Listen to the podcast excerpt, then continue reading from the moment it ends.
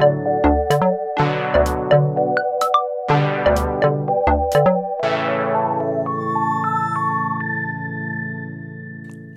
og velkommen til en ny episode av eh, Kalkulus med Anne og gjengen. Eh, Nå har vi kommet til femte episode allerede, og jeg må bare si at jeg syns det er veldig gøy. Eh, Jeg har jo fått meldinger i det siste fra noen av dere som hører på, og som sier at dere liker det dere hører, og det er skikkelig hyggelig. I dag eh, har jeg selvfølgelig med meg enda et nytt medlem eh, av gjengen, og et nytt tema. Eh, Vi skal snakke om derivasjon, og den jeg skal snakke om dette med, er Ulrik Skre Fjordholm. Velkommen hit. Takk. Kan ikke du fortelle litt om hvem du er? Ja, jeg eh, har jobba her på Blindern siden 2017. Og før det så var jeg også ung en gang og studerte. Så jeg studerte det som da het MIT eh, her på Blindern. Den heter i dag MAMI. Så jeg tok eh, kalkulus og flervariabel kalkulus og alle disse kursene som finnes mer eller mindre i dag, da. Og så har jeg studert i utlandet og vært litt forskjellige steder, og så kom jeg tilbake i 2017. Og så er jeg da ansatt som førsteamanuensis, som juniorprofessor, som det også heter, eh, og forsker på partierte differensialligninger. Og så underviser jeg og veileder studenter. Ja. Ja. Har du noe eh, spesielt forhold til kalkulus? Ja, så jeg, jeg, jeg tok jo kalkulus eh, Det er mer eller mindre samme kurs som i dag. eh, da jeg gikk på Blindern. 2004 var det. Ja. Og eh, faget har jo ikke endra seg så veldig. Mm.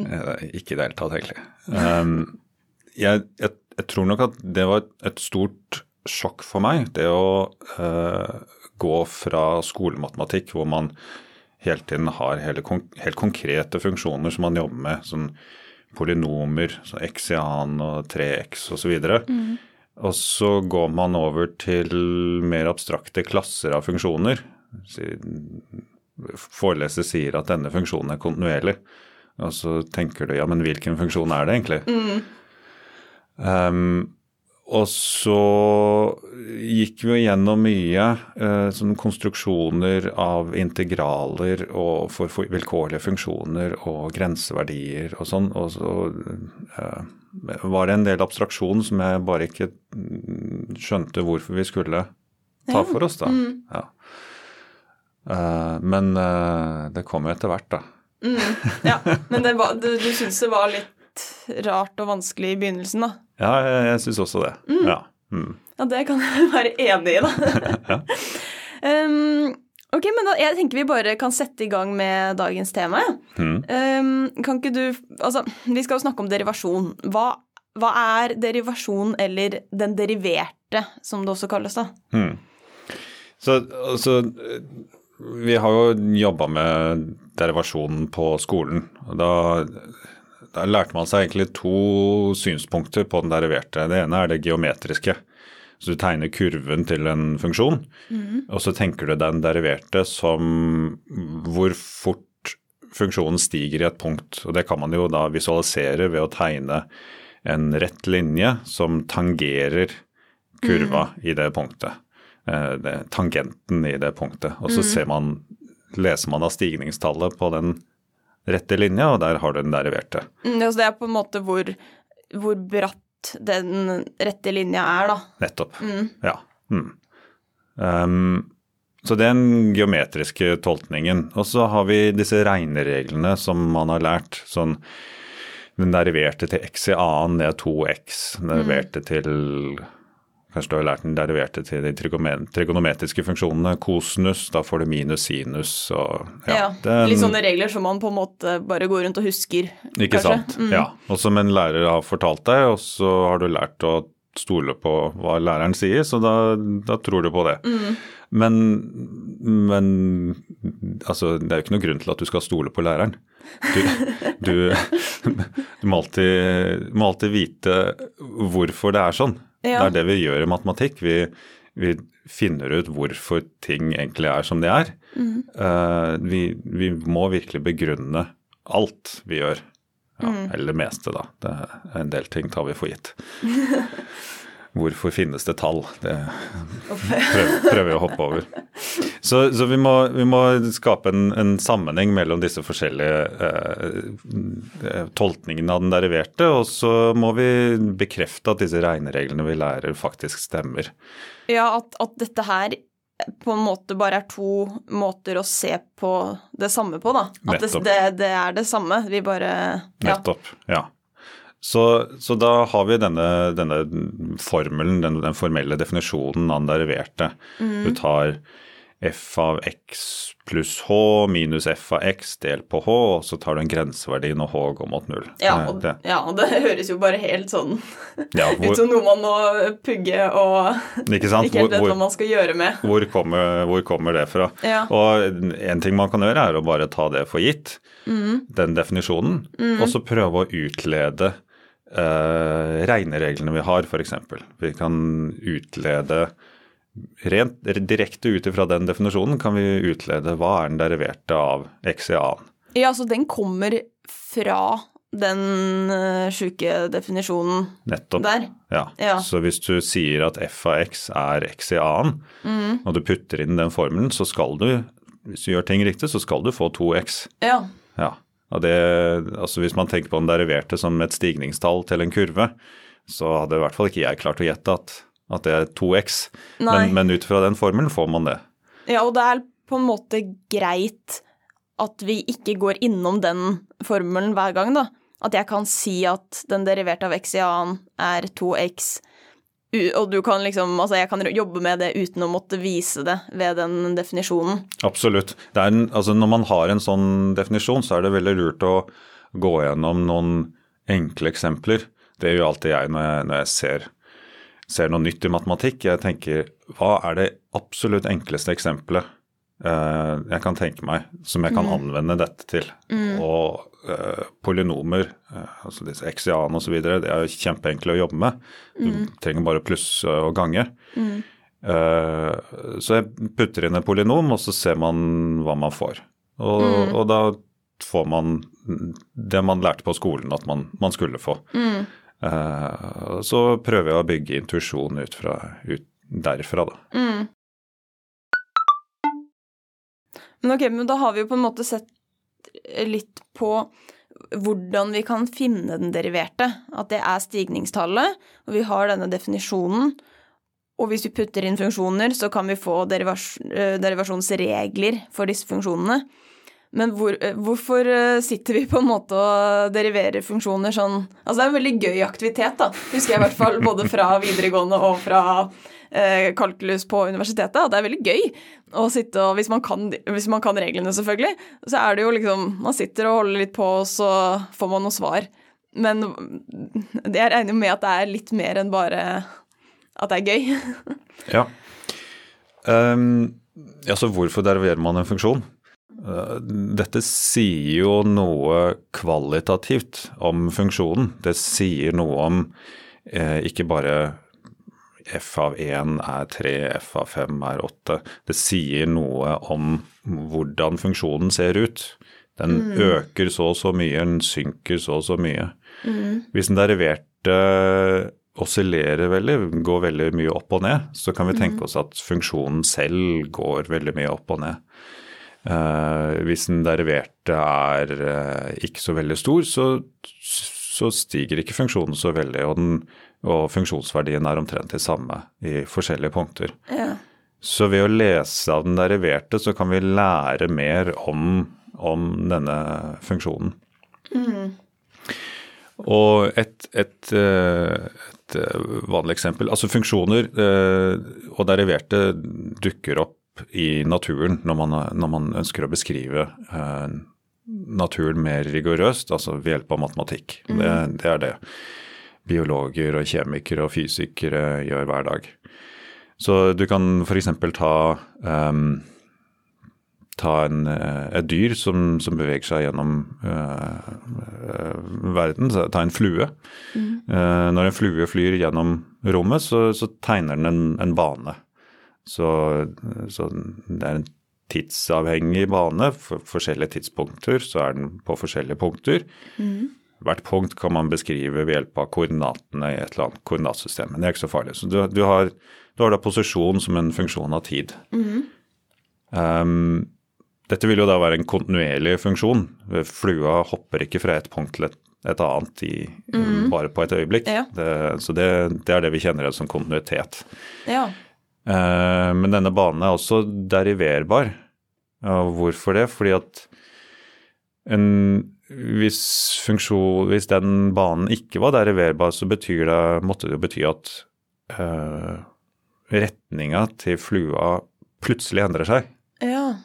Og det kan jo se ut som en, at en flue gjør, men det er fordi, bare fordi at vi mennesker har en veldig treg oppfatning av tid. Ja, ja, for du mener det ser ut som den kanskje stikker i forskjellige retninger sånn helt sånn plutselig? Nettopp. Ja. ja.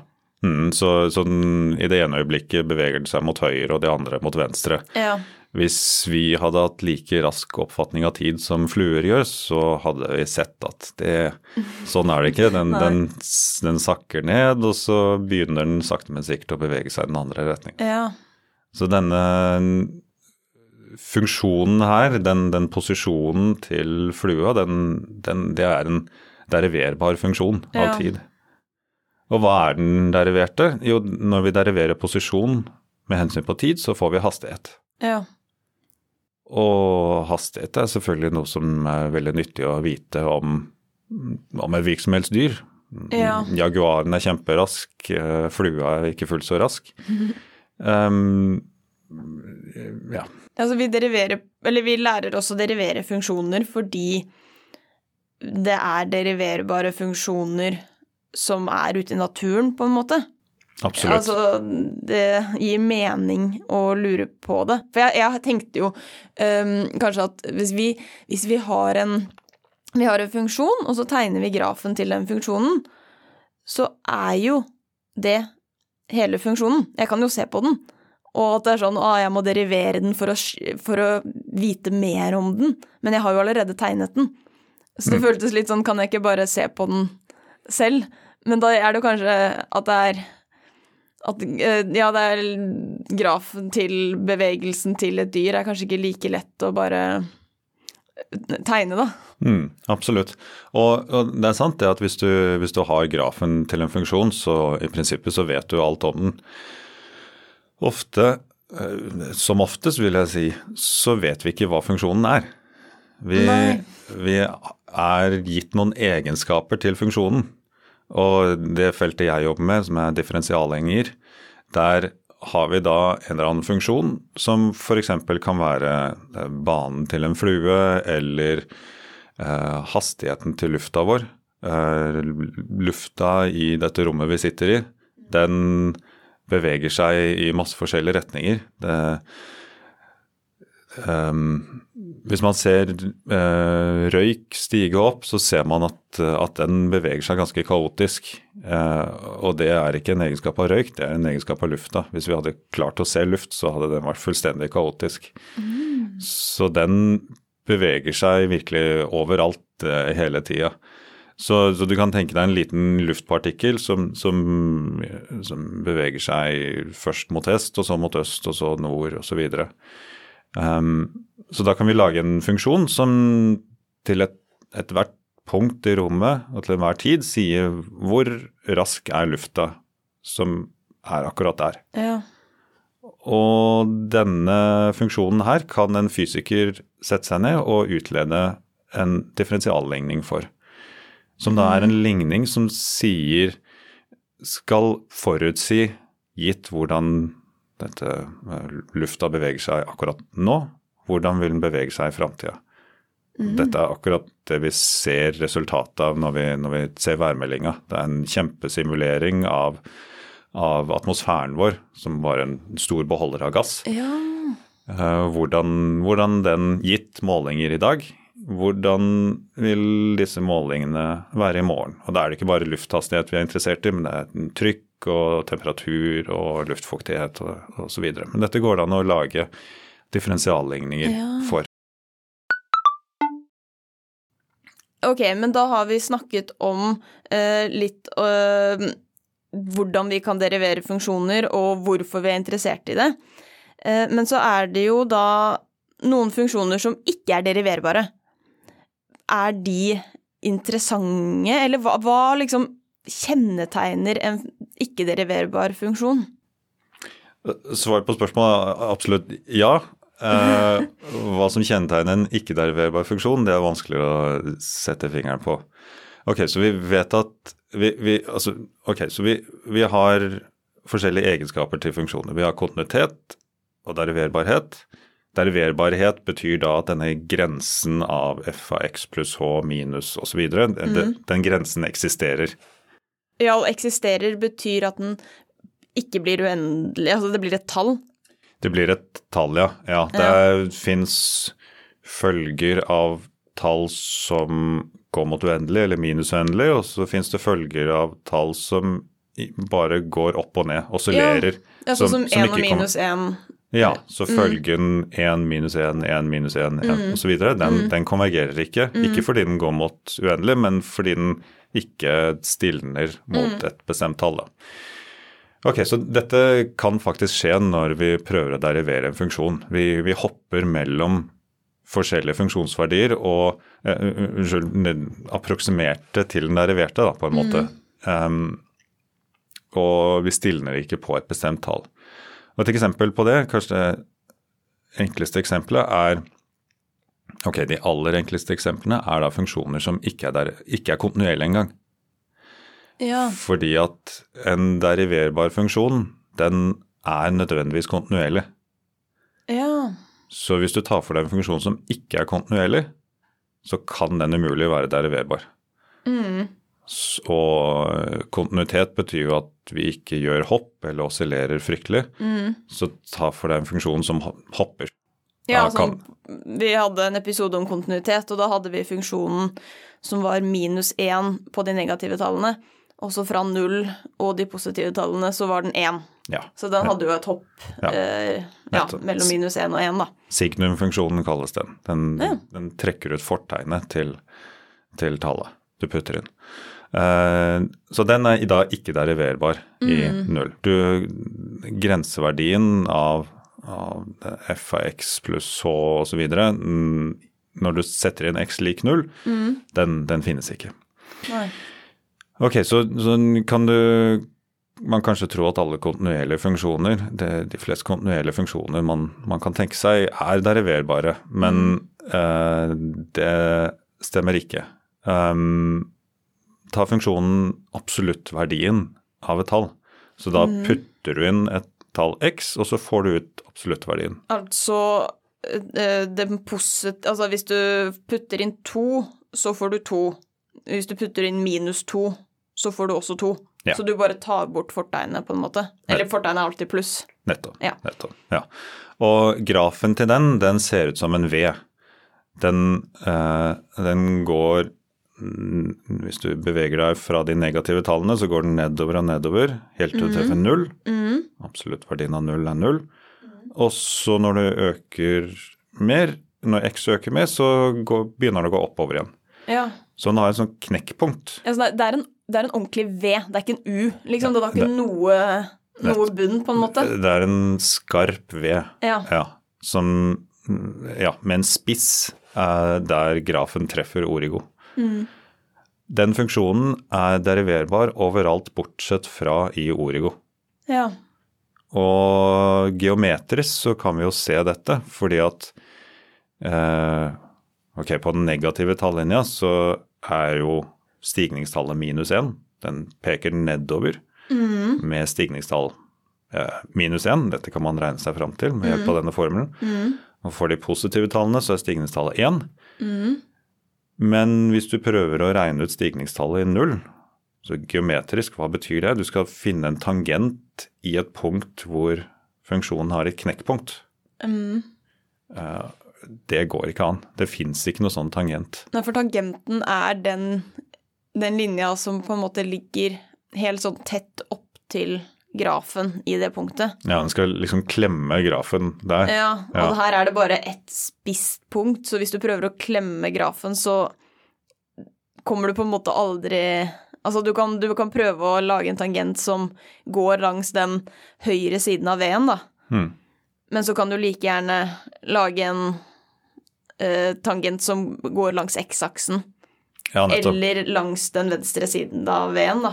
nettopp At du ja. kan liksom prøve Det er kanskje en riktigere måte å beskrive det på. At du har Man kan tenke seg mange eh, Man kan argumentere for at mange forskjellige eh, rette linjer er tangenten til funksjonen. Ja. Du har ikke Mm. Men det holder ikke at vi kan finne mange. Du skal liksom klare å finne én. Ja. Mm. ja, nettopp. Du skal, du skal i, I denne funksjon, definisjonen av en derivert så skal du konvergere mot én Mm. derivert. Men, Og- men, men den funksjonen er Den er kontinuerlig, Den er absolutt kontinuerlig. selv om den har dette knekkpunktet. Mm. Ja. Ja.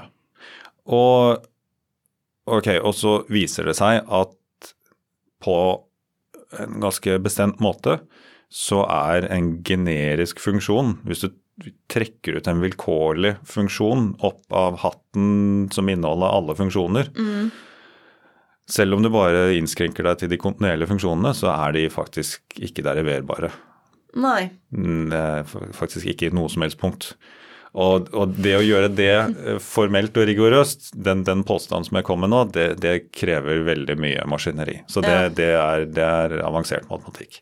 Men, men eh, så denne absoluttverdifunksjonen, da, det kan du si er startpunktet for, eh, for funksjoner som er kontinuerlige. Og det har alle egenskapene som kontinuerlige funksjoner har. Det tilfredsstiller ekstremalverdisetningen og, og andre fine ting. Men de, eh, den er ikke deriverbar. Nei. Så nå har vi øh, Vi har på en måte fått en enda bedre klasse av funksjoner, da, kan man si det. At først så hadde vi alle mulige funksjoner, og så ser vi bare på de kontinuerlige. Og nå ser vi bare på de deriverbare. Og da har vi fått bedre, eller finere, eller funksjoner vi liker bedre, på en måte, kanskje? Det, det er absolutt finere funksjoner. Eh, altså som en, en um, Du kan si at som en tommelfingerregel så er det slik at jo flere ganger du har lov til å derivere en funksjon, jo flere ganger den funksjonen er deriverbar. Man kan derivere en funksjon flere ganger. Eh, man, altså, eh, om du tenker på den deriverte som et sett med regneregler, så kan du alltid Ja, for derivere x en i gang til. andre derivert er 2x. Og den kan du derivere på nytt. Ja, og for 2. Ja. Eh, og, og det, rent formelt så betyr det at du kan putte inn samme Det du får ut av den definisjonen den er deriverte, det kan du putte inn igjen og, og få den, det vi kaller den andre deriverte. ja. Um, og som en tommelfingerregel, da, så jo flere ganger vi har lov til å derivere en funksjon, jo penere er funksjonen. ja. Og penere både geometrisk og Eller hva som er pent og ikke pent, det er subjektivt. Men, men den, i en matematisk, matematisk forstand så er den penere. Den, den, den er lettere å jobbe med, på en måte. Og dette i, og, så jeg, jeg, ok, så jeg, jeg holder på med partielle differensialligninger, men jeg også, holder også på med numerisk analyse. Altså eh, utvikle måter å approksimere løsningen av eh, problemer ved hjelp av datamaskiner. Eh, Da, datamaskiner de klarer ikke å forholde seg til uendelige ting. De klarer ikke å representere uendelig mange tall. De, alt er endelig på en datamaskin. Så eh, en, en grafen til en funksjon, da trenger man uendelig mye informasjon for å representere den funksjonsverdien i alle punkter. Uh, mens hvis vi vet noe mer enn funksjonen, altså at den er deriverbar, to ganger deriverbar osv., så, videre, så klarer vi å representere passe nøyaktig, i hvert fall, uh, hvordan denne grafen ser ut ved hjelp av endelig mye informasjon.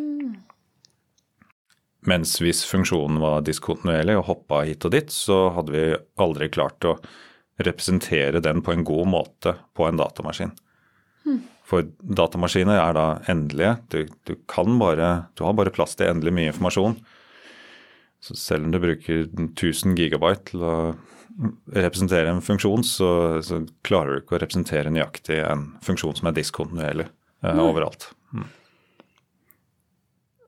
Ok, men da tenker jeg vi eh, gir oss med derivasjon eh, for denne gang. Um, og så har jeg, jeg har et spørsmål som jeg pleier å stille alle gjestene mine på slutten. Um, og det er hvis kalkulus var et dyr, hvilket dyr ville det vært? Håper du kutter den tenkepausen. Kalkulus som et dyr um, Dette er veldig vanskelig, men um, Ok, jeg, jeg, kan si uh, sjimpansen. Oi. Um, og altså kalkulus for meg, det, det, er et verktøy som man kan bruke til utrolig mye. Uh, det er en måte å studere naturen på og, og funksjonene rundt oss uh, på en utrolig kraftig måte. Uh, og sjimpanser Ok, jeg trekker dette litt langt, altså. Det, det er litt søkt. Men, men sjimpanser er jo noen av de mest intelligente dyrene som finnes, annet enn mennesker. Og uh, er, uh, er, klarer å lage verktøy. De har fingre som de klarer å manipulere verden rundt seg med. Mm. Mm.